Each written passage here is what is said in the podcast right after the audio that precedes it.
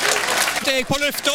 Mikrofon og alt har gått til balalaika. Da er det Balalaika med Alf Henden i studio igjen, og vi ser på historiske hendelser i uke 28. Og blar tilbake til 1895 til å begynne med her i dag. Kirsten Flagstad født. Norsk operasanger i verdensklasse, det må vi kunne si hun var. Hun ble jo òg Den norske operas første sjef i 1958, og hun var verdt 100 kroner. Hun kom Såpass. iallfall på 100-kroneseddelen. Å ja, ja, Ja, stemmer. ja, ja. 1944 ble Kjell Kristian Rike født.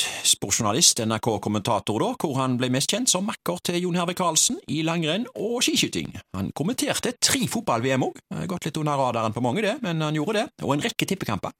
Og så landsskytterstevnet, selvfølgelig. Han ble sågar skytterprins en gang eh, tidlig på 70-tallet, og, og norgesmester i feltskyting på landsskytterstevnet. Eh, han er jo, gikk jo bort i en altfor ung alder, og nå er jo hans nevnte makker her, Jon, Eik- Jon- Jon Hervik Karlsen, nå gått bort. Så, men vi husker de. Å ja. Hendelser internasjonalt 1908. Norge spiller sin aller første landskamp i fotball, du. Ja, skal vi si her. Den er mot Sverige i Göteborg, og Norge tar like godt ledelsen etter ett minutt, med skåring av Minotti Bøhn. Han er altså veldig historisk. Og så kan jeg bare nevne til slutt og i en bisetning at Norge til slutt tapte 11-3. 1970, Ra 2, ankommer Barbados. Eh, Ra 2 det var et fartøy av papyrus som Tor Heyerdahl og mannskapet brukte på en vellykka reise da, fra Marokko til Barbados. Ett år før var overfarten mislykka med Ra 1. Mm, Hendelser lokalt. Kino i uke 28. Der har jeg eh, gått tilbake til 2002 denne gangen, på Edda.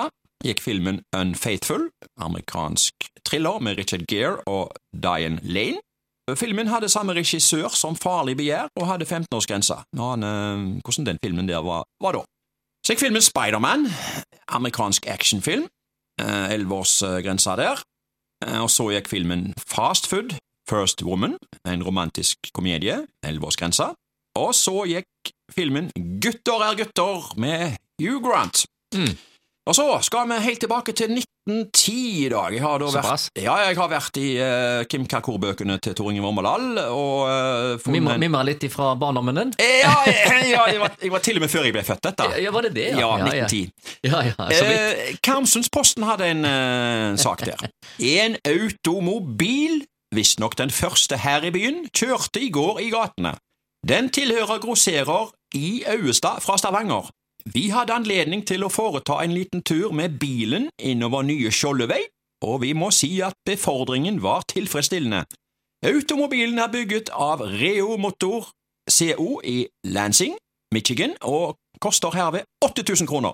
Den avga plass for fire personer, men var således innredet at baksetet kunne fjernes, hvorved vognen avga plass til varetransport.